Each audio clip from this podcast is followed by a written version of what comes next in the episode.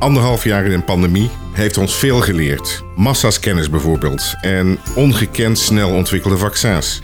Maar ook dat de wetenschap het soms moest afleggen tegen moedwillige desinformatie en fake nieuws. Hoe zijn we daarmee omgegaan en hoe doen we dat in de toekomst beter? In acht podcasts spreek ik met deskundigen die hiermee hebben moeten worstelen. Mijn naam is Ruud Kolen van Brakel en ik ben directeur van het Instituut Verantwoord Medicijngebruik.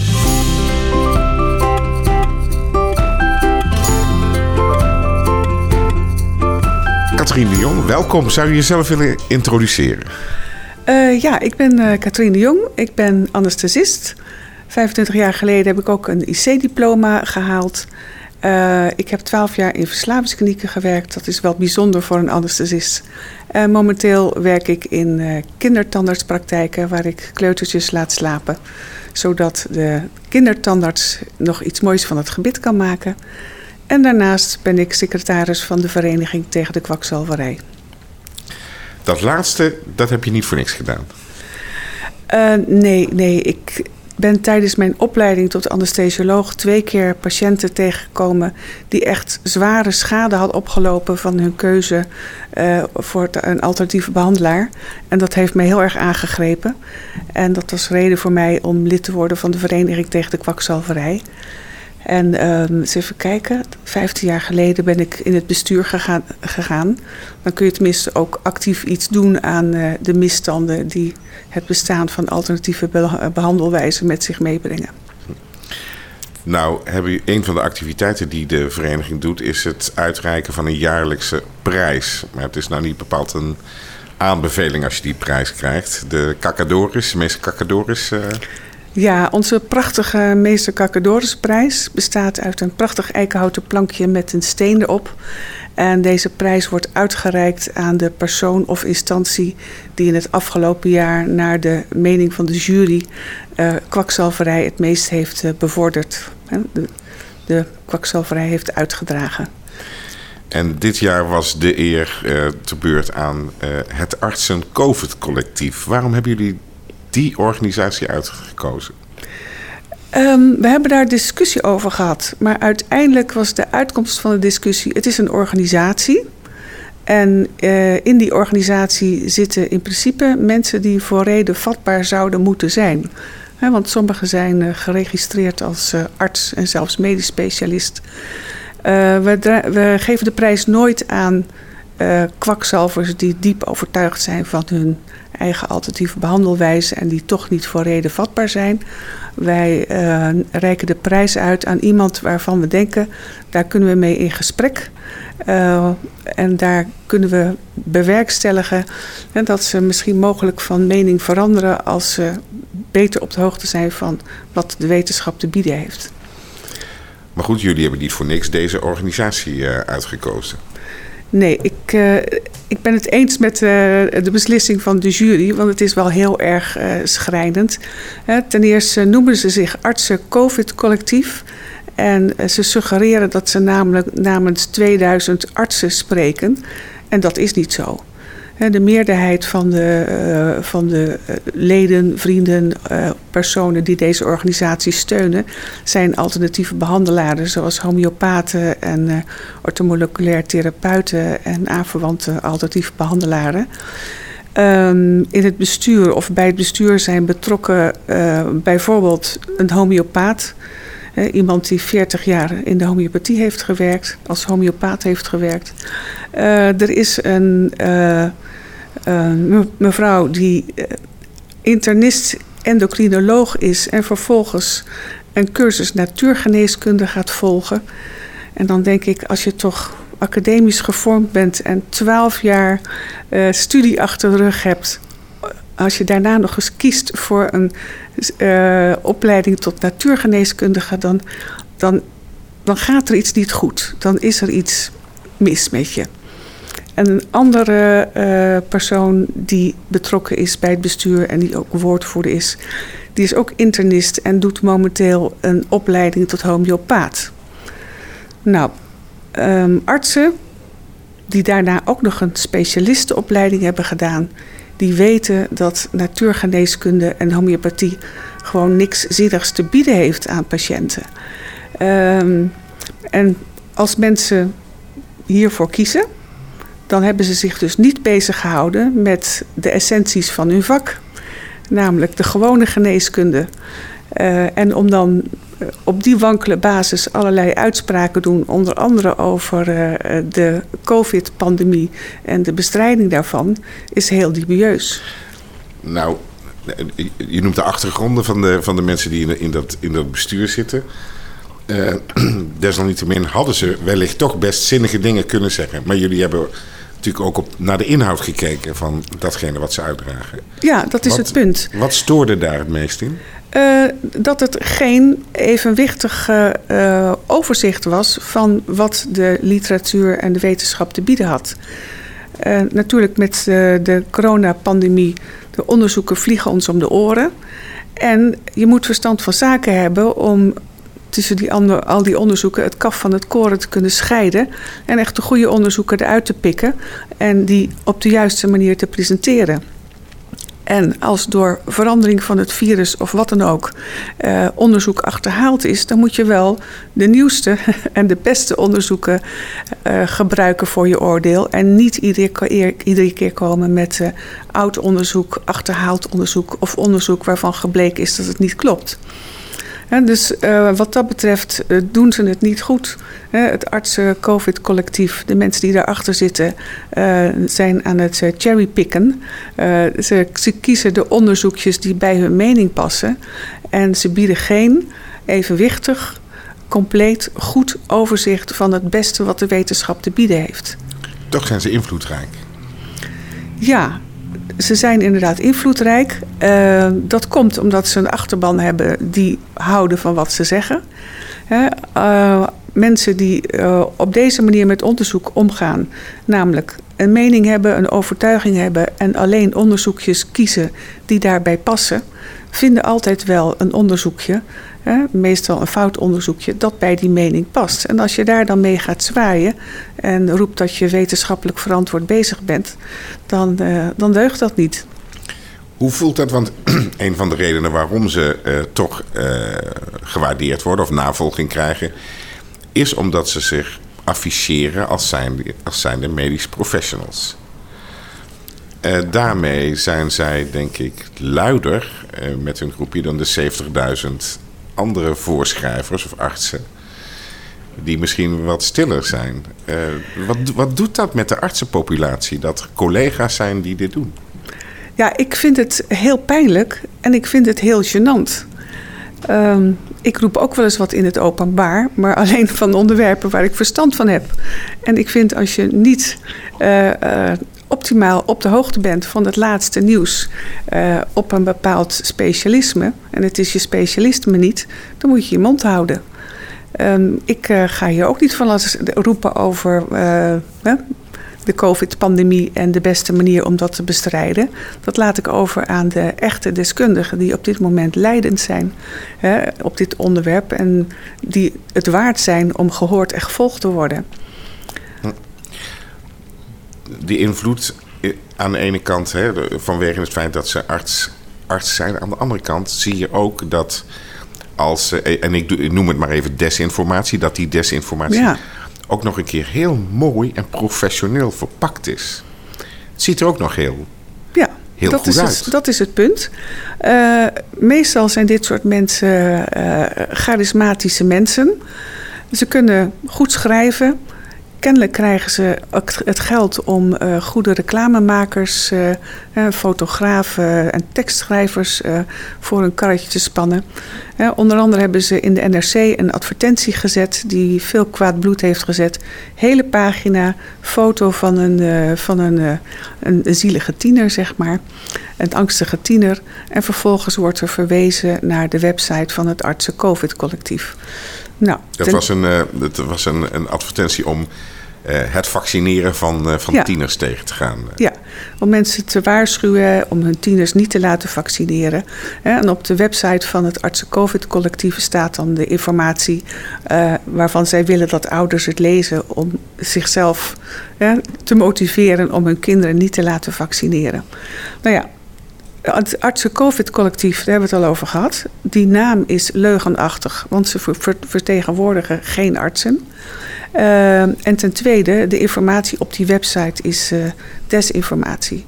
En uh, nou, er loopt een zaak over bij het uh, reclamecodecommissie. Dus binnenkort gaat de, de reclamecodecommissie zeggen of deze advertentie zo mag. Daar kunnen we niet op vooruit lopen. Maar het heeft heel veel mensen toch uh, geërgerd en tot actie aangezet om hier wat tegen te doen. Nou zei je straks, uh, wij hebben hen uitgekozen vanwege het feit dat wij denken dat zij voor reden vatbaar zijn. Uh, hebben ze de prijs in ontvangst genomen? um, we hebben de, op 3 oktober altijd ons jaarlijkse symposium. Dan wordt de prijs uitgereikt. Wij nodigen de prijswinner altijd uit om de prijs in ontvangst te komen nemen. En we geven altijd de gelegenheid tot het uh, uitspreken van een weerwoord. Um, ze zijn niet uh, langsgekomen om de prijs op te halen. Mogelijk heeft dat ermee te maken dat wij de uh, corona-check-app gebruiken en je gevaccineerd moest zijn om binnen te moeten ko mogen komen. Ze hadden zich kunnen laten testen. Dat had... Ze hadden zich kunnen laten testen, inderdaad. Maar ze hebben wel een, uh, een, een uh, tekst geschreven en naar ons toegestuurd. En de voorzitter van de jury heeft die tekst ook keurig voorgelezen. Maar goed, in die tekst herhalen ze weer alle foute teksten die ook op hun eigen website staan. Dus uh, we zijn geen stap verder. Dus de veronderstelling, wij denken dat ze voor reden vatbaar zijn? Wij hebben in ieder geval ons best gedaan. Wij hebben geprobeerd het gesprek te openen uh, en wij hebben geprobeerd met ze in gesprek te gaan. Maar ja, op deze manier wordt de deur uh, in ons gezicht weer dichtgegooid. En dat is dan maar zo. Nu is dat een van de, van de activiteiten die, die jullie doen. Hè? En, en ook het, het, het actief adresseren van de desinformatie van dit uh, artsen-COVID-collectief. Je zou veronderstellen dat de artsenkoepels zelf hier ook wat steviger in zouden opereren. En dat doen ze niet. Uh, dat klopt. Ik heb uh, in het artikel in de NRC gelezen wat hierover gaat.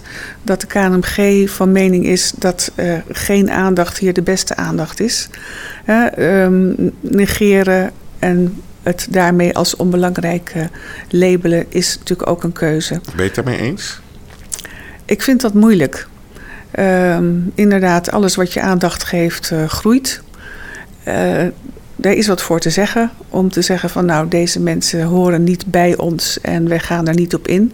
Maar wat ik wel vind is dat uh, de KNMG in ieder geval op de website uh, er een uitspraak over zou moeten publiceren.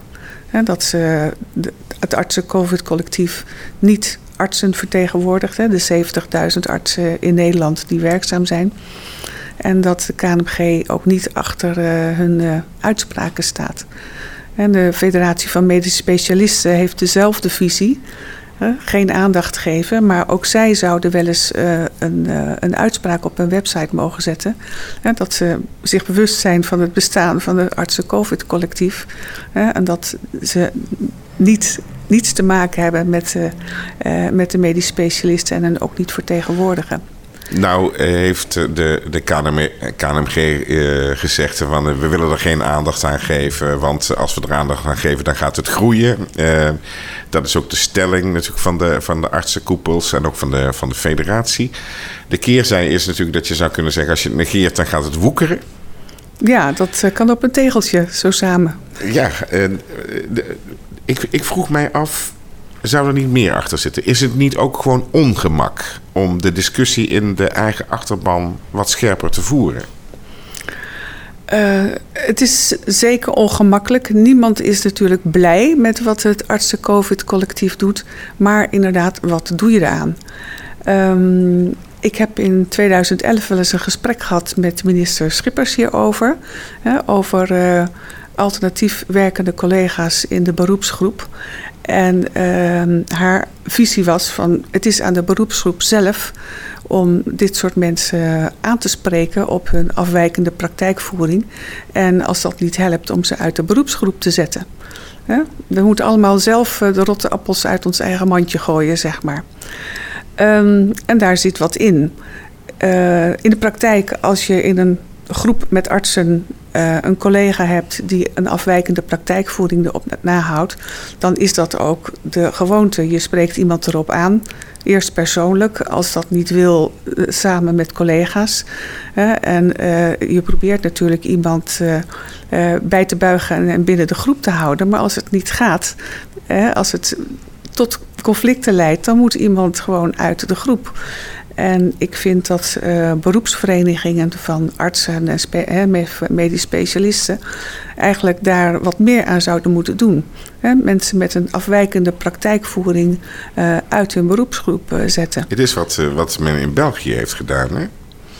In België heeft de, de artsenkoepel huisartsen die, die bijvoorbeeld corona ontkenden of het vaccinatiebeleid niet wilden eh, mee ondersteunen, hebben ze gewoon uit, uit de organisatie gezet. Geschorst in ieder geval. Ja, nou, ik, ik vind dat uh, een, een, een goede manier van doen, zeg maar.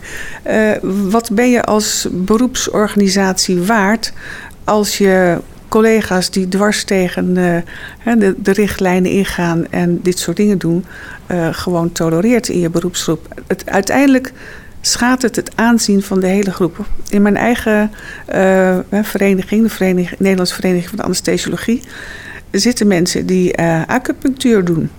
En we weten allemaal dat acupunctuur een flauwekulbehandeling is. Het is een uh, ja, placebo-behandeling met naaltjes. En ik vind dat anesthesisten dat niet moeten doen. En zeker niet in het ziekenhuis en zeker niet op kosten van de zorgverzekering. En um, ik heb geprobeerd om uh, daar wat aan te doen. Ik heb een brief geschreven aan het bestuur. En ik kreeg een brief terug. Maar de collega's die acupunctuur doen, zitten nog rustig in de vereniging. Wat stond er in die brief terug? In, ja, in de brief proberen ze beleefd te zijn en de kool en de geit te sparen. Maar de essentie is dat de acupuncturist geen strobreed in de weg gelegd wordt in de praktijk. Ja, goed. Zullen ze dan zeggen, een placebo-effect is ook een effect? Ja, maar daar moet je wel eerlijk over zijn. Ik uh, heb als anesthesist met alle soortjes, soorten naalden gewerkt die er zijn in het vak. Behalve acupunctuurnaalden, want dat kan ik niet uitleggen aan mijn patiënten. Ja, als ik een acupunctuurbehandeling zou moeten doen, dan zou ik tegen de patiënt moeten zeggen van... ik ga nu uh, naalden in uw huid uh, steken, uh, zogenaamd in acupunctuurpunten, maar die bestaan eigenlijk niet. En daarmee zou ik dan energiebanen kunnen blokkeren of ontblokkeren. Maar die energiebanen bestaan eigenlijk ook niet. Dus deze behandeling is medisch gezien leeg. Maar als u er zelf heel erg in gelooft dat het helpt, dan kan u tijdelijk het gevoel geven hè, dat u zich wat beter voelt. zo zou je het moeten zeggen. En met homeopathie ook. Moet je ook zeggen van ja, ik, ik schrijf u nu een middeltje voor. Uh, er zit geen werkzame stof in. Uh, er is ook geen wetenschappelijk bewijs dat het iets doet. Maar als u zelf heel erg gelooft in de effectiviteit van dit middel, kan het u tijdelijk de illusie geven dat het helpt het meest verkochte zelfzorgmiddel in heel West-Europa is oscillococcinum. Ja. Ja, inderdaad. Uh, het is een prachtig, uh, prachtig fabeltje. Ja, ik geloof dat er uh, gefermenteerd hart en lever van een bepaald soort eend ingaat. En die ene eend die wordt eindeloos verdund en over de hele wereld verspreid in pilletjes. En mensen blijven het maar kopen. Het is, als verdienmodel is het fantastisch. Maar vanuit de farmacologie bezien is het 100% oplichterij. En vanuit het vak dat je uitoefent. En is het niet ook frustrerend? Was je niet wanhopig dat je ziet dat, dat dit gewoon gebeurt? Uh, ja, je probeert het te begrijpen. En uh, het is natuurlijk al zo oud als de mensheid dat we op zoek zijn naar uh, methodes om onszelf beter te maken. En uh, in de oudheid hadden we ook prachtige rituelen. Hè. Als je ziek was, dan ging je op reis naar een geneeskrachtige bron. Uh, of je offerde iets uh, aan de goden. Um, gelukkig hebben we tegenwoordig de moderne geneeskunde. Maar dit soort oude rituelen, die zouden dus afgeschaft moeten worden. Nu hebben we het even over het artsen-COVID-collectief en, en wat de Vereniging tegen de kwakzalverij daartegen gedaan heeft. Maar je bent zelf als persoon ook vrij actief op social media. In het, uh, in het proberen te ontmaskeren van nepinformatie. Wat drijft je daarin? Ja, ik, ik kan niet zo goed tegen leugens en onzin. Als dat in het kader van een toneelstuk is, of een opera, of een boek, of wat dan ook, dan hou ik best van uh, flauwekul en onzin. Maar niet als het over de gezondheidszorg gaat. Uh, gezondheid van mensen, uh, ziektes behandelen, dat is toch echt een serieuze zaak. dat, dat moet je niet bederven met nepmiddelen onwerkzame behandelwijze. En uh, zeker als het uh, de grens van de oplichterij overgaat, dan moet je dat bestrijden. Ik, ik vind dat heel kwalijk. Ik uh, krijg als secretaris van de Vereniging tegen de Kwakzalverij brieven in de mailbox van mensen die echt gewoon opgelicht zijn door alternatief behandelaars die schade hebben opgelopen. In COVID-tijd? Als In het COVID gaat om COVID-behandelingen ook? Nou, het is niet te geloven, maar 30 januari 2020, dus nog voordat de eerste COVID-patiënt in Nederland zowat gediagnosticeerd was, had ik al een melding in de mailbox van uh, iemand die meldde dat er een bioresonantietherapeut was, die zo'n zogenaamd met zijn uh, nepapparaat uh, COVID kon diagnosticeren en behandelen. En als mensen daar naartoe gaan en zich laten testen en vervolgens denken dat ze getest zijn en dat ze geen COVID hebben, eh, vervolgens bij oma op bezoek gaan, uh, dat kan consequenties hebben. Dus uh, dat bioresonantietherapeuten gewoon maar beweren en dat ook gewoon mogen doen, uh, dat ze COVID kunnen diagnosticeren en behandelen, vind ik heel kwalijk. Ik heb meerdere bioresonantietherapeuten gemeld bij Inspectie Gezondheidszorg.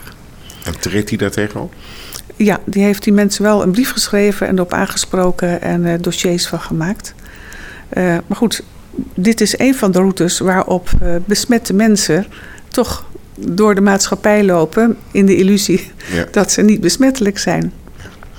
En wat is er, want je werkt al jaren, je zegt dat je ook al 15 jaar bij de Vereniging tegen de Kwakschalverij zit je bent in al die jaren natuurlijk heel veel desinformatie tegengekomen.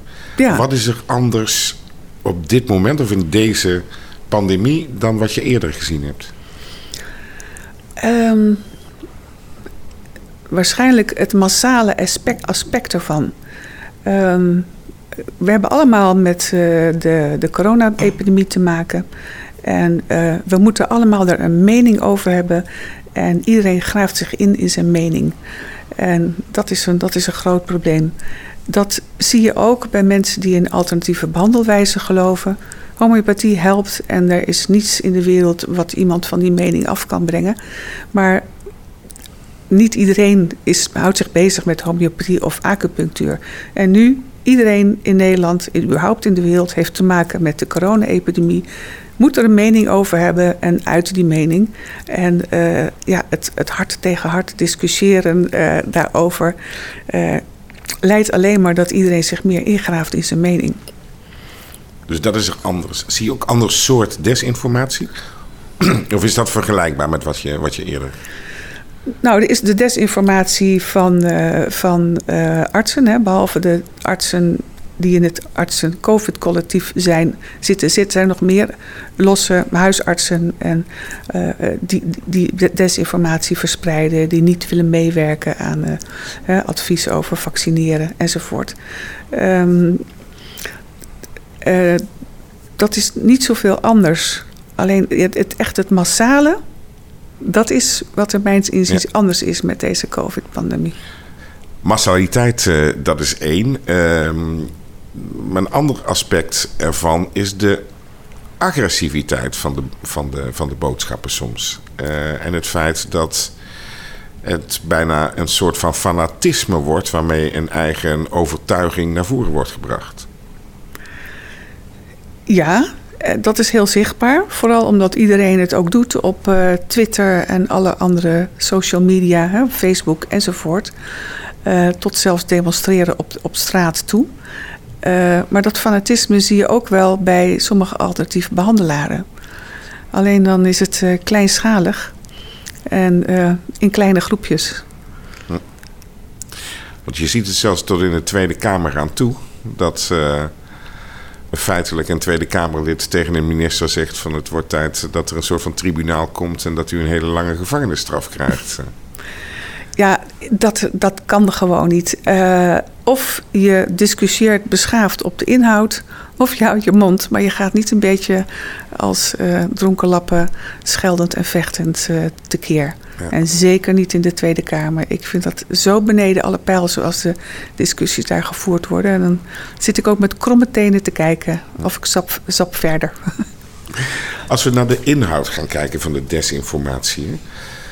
Wat is het meest idiote wat je voorbij hebt zien komen? Over de coronapandemie? Ja. Nou, dat is een tweet van een paar dagen geleden.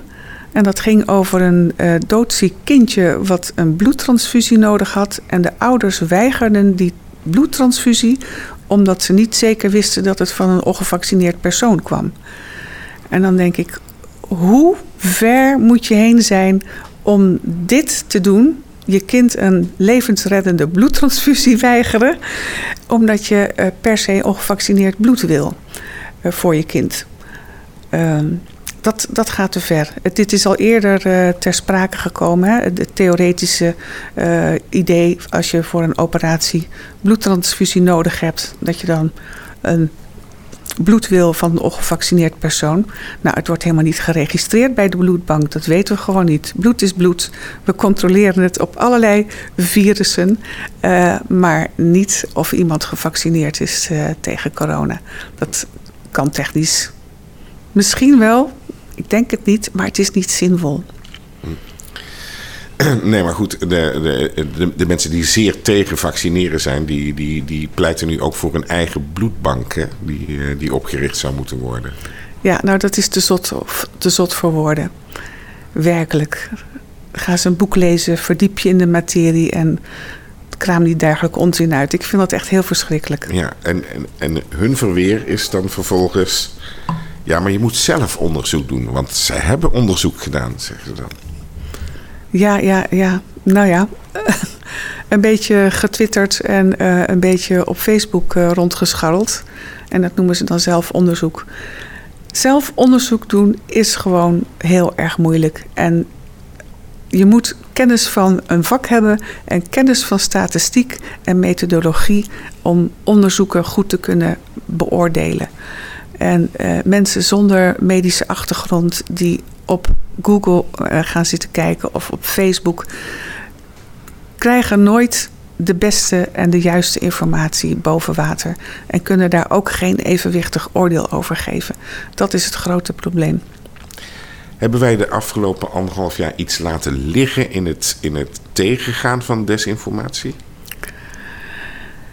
Um, nou, waarschijnlijk eh, is het probleem al ouder.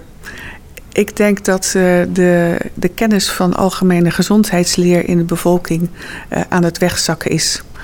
Um, tot, uh, zeg maar tot 1980 ging driekwart van de vrouwen naar de huisartsschool kun je van alles over zeggen. Maar ze kregen in ieder geval goed onderwijs in gezondheidsleer, hygiëneleer, infectiepreventie. Hoe verpleeg ik zieke kindertjes, eh, infectieziekten. Daar wisten ze heel veel vanaf. En uh, er is tot, hè, tot lange tijd na de tachtige jaren een goede algemene basiskennis in de Nederlandse bevolking geweest hè, betreffende gezondheidsleer. Dat is aan het wegzakken. Pleit je voor terugkomen van de huisartsschool? Nou, ik denk dat de stof van de huisartsschool. in een nieuw vak. In een nieuw vak zou moeten komen voor uh, iedereen, uh, jongens en meisjes. Uh, het lijkt me goed dat we de, dit soort algemene kennis, gezondheidsleer, dat die voor iedereen beschikbaar is. En dat iedereen daar inderdaad ook over beschikt. En dat je in eerste instantie, als er wat met je aan de hand is, jezelf even kunt helpen. En wat nu bijvoorbeeld gebeurt, is dat ouders uh, een, een, een, kind krijgen en dat is een half jaar oud. En dat niest drie keren voelt een beetje warm aan en dan rennen ze ermee naar de eerste hulp. Wat ze niet even doen, is zelf temperaturen en zelf even kijken wat er aan de hand is en een paracetamolletje geven. Mensen gaan met, met wisselwasjes naar de dokter wat niet nodig is door gebrek aan basiskennis. en mensen kunnen uh, gezondheidsinformatie die, die, op hen afkomt niet goed beoordelen, omdat de basiskennis ontbreekt. En dat vind ik heel triest. Ja, dus eigenlijk zeg je van een deel van het effect van die desinformatie zit hem erin dat de basiskennis in de loop van de jaren over gezondheid en gezondheidsleer, dat die naar beneden is gegaan. Dat ja, die ja, ja. is geworden. Als jij goede basiskennis hebt met iets wat je, wat je op school geleerd hebt. En daarna krijg je informatie daarmee, die daarmee in conflict is. Dan zet het aan tot nadenken. En dan ga je verder zoeken. Uh, als je niks weet en iemand vertelt je wat, ja, dan is wat jou verteld wordt, is wat je op dat moment weet. Dus uh, ik zie echt het gebrek aan basiskennis als een van de oorzaken waarom de desinformatie zo ontzettend aanslaat. Oké. En goed, dan nog, en dan zitten we nu in deze periode en dan heb je een populatie die misschien minder basiskennis heeft dan uh, dat dat 20, 30 jaar geleden het geval was.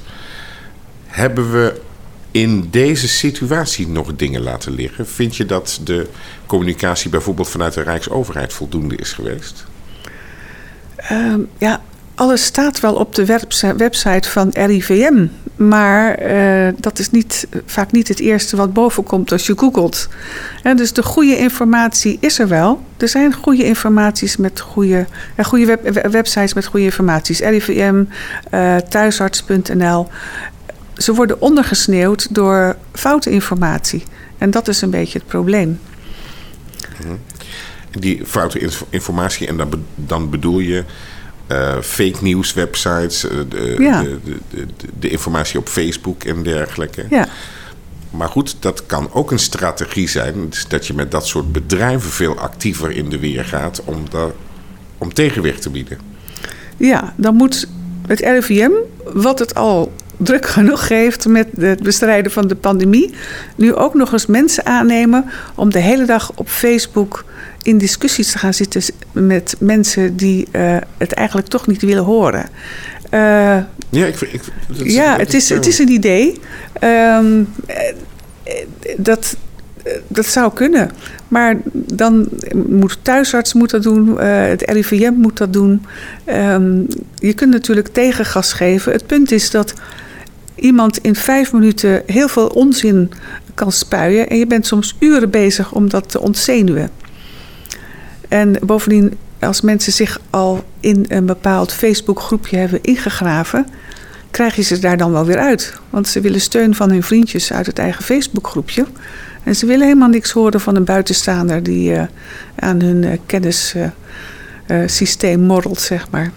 Maar dat betekent dat, dat je feitelijk die categorie, non-believers, zullen we het dan maar zeggen, of, of, of mensen die desinformatie aanhangen of verspreiden, dat, dat je die beschouwt als een soort van lost case, verloren zaak. De, de twijfelaars kun je nog wel bereiken. Maar sommige mensen zitten zo vast in hun geloof en willen dat ook als houvast houden, dat je ze toch niet gaat overtuigen. En dus moet je dat ook niet proberen? Ik heb uh, vorige week op een symposium de cursus Street Epistemology uh, gedaan. Dat is een, methode van in gesprek gaan met mensen die zo vastgeroest zitten in hun, in hun geloof. Um, dat is een optie. Dus ik heb een. Wat was de belangrijkste les uit die, die training? De belangrijkste uh, les uit die training is dat als mensen heel vast, uh, rotsvast overtuigd zijn van iets, dat je alleen maar vragen moet stellen. Uh, wat geloof je? En waarom geloof je dat? En waar heb je die informatie gelezen? En wie heeft die informatie geschreven? En ehm, gewoon rustig en geduldig doorgaan met vragen. Je stelt je zeg maar op als een tienjarig belangstellend kind. Uh, doorgaan met vragen totdat mensen zelf beginnen te twijfelen van klopt het eigenlijk wel wat ik zeg. Oké, nou dat is een, uh, een handreiking die denk ik velen zouden kunnen, kunnen gebruiken. Mijzelf in kluis denk ik meteen. maar dus uh, dank voor de tip in ieder geval. Street epistemology, het is, je kunt het zo opzoeken. Ja, dat ga ik zeker doen. Ga ik zeker, zeker doen. Um, we zitten er nog even in vast, hè? want Ja. het is nog niet voorbij. Eh, desalniettemin eh, wordt er nu al teruggekeken. En we kijken natuurlijk ook alweer naar voren van wat, wat ligt er allemaal nog in het verschiet. Als jij twee dingen zou mogen of moeten uitkiezen. eh, waarvan je zegt van dit is de belangrijkste les. Of dit zijn de twee belangrijkste lessen die we moeten leren. Uit de manier waarop we tot dusverre zijn omgegaan met deze pandemie. Ehm, nou, wat natuurlijk heel belangrijk is, is eh, goede kwaliteit van communicatie. Informatie moet helder zijn, duidelijk zijn, kloppen, goed te vinden zijn en goed over het voetlicht worden gebracht door mensen die kennis van zaken hebben. Dat is, dat is één ding. Ehm, ik denk sowieso dat we ongelooflijk veel geleerd hebben de afgelopen tijd. De, eh, eh, ik denk dat de GGD's die natuurlijk altijd draaiboeken voor rampen op de plank hadden staan, hè, nu hebben moeten laten zien eh, wat ze waard zijn. En ik heb zelf bij de, in prikstraten of in vaccinatiestraten gewerkt. In verschillende locaties. Ik moet zeggen dat ik onder de indruk ben van hoe goed het georganiseerd was. Vanuit het niets zijn er honderden locaties uit de grond gestampt. waar mensen eh, keurig hun werk kunnen doen. Er is een ochtendbijeenkomst, eh, er is een kantine, er zijn schone wc's. Iedereen heeft een lokker voor zijn tasje. Iedereen werkt volgens schema. Het eh, plaatje met wanneer je pauze hebt staat op je werkblad geplakt. Ja, iedereen... dat klinkt allemaal alsof we er niet meer van hoeven te leren. Dat doen we goed. Nee, maar dat, dat is. Ik ben eh, echt onder de indruk van wat de GGD in korte tijd uit grond gestampt heeft. Ja. Hè, hoe we nu aan mensen aan het testen zijn en eh, hoe we in vaccinatiestraten iedereen zo vlot mogelijk aan de vaccinatie. Dat hebben we goed gedaan. Hebben we goed gedaan. Dat Ja. mag ook wel eens gezegd worden. Ja, dat is, dat is prima. Communicatie moet beter, maar Ja, de organisatie is tot dusver helemaal niet zo gek geweest. Ik vind dat de organisatie heel erg eh, goed was. En ik vind dat de GGD daar wel eens een eh, compliment eh, voor verdient. Ehm, ja, het, het blijft toch vastzitten op, eh, op de manier van communiceren. En ik heb één ding ooit in het buitenland gezien waarvan ik denk, is dat misschien iets? Dat was in de periode met de Mexicaanse griep. Toen was ik in Ierland. En in Ierland stond in elk busstation, in elk treinstation, overal op reclamezuilen in, in winkelstraten eh, informatie over de Mexicaanse griep. Twee posters. Eén, wat moet je doen om te voorkomen dat je besmet wordt? En de andere poster, wat moet je doen als je denkt dat je besmet bent? In simpele woorden, puntsgewijs genoemd. Hè, als je denkt dat je besmet bent, ga niet naar de huisarts, maar bel hem op, enzovoort, enzovoort. Ehm, dat was eenduidige informatie en je kon geen halve dag in Ierland zijn zonder die posters gezien te hebben.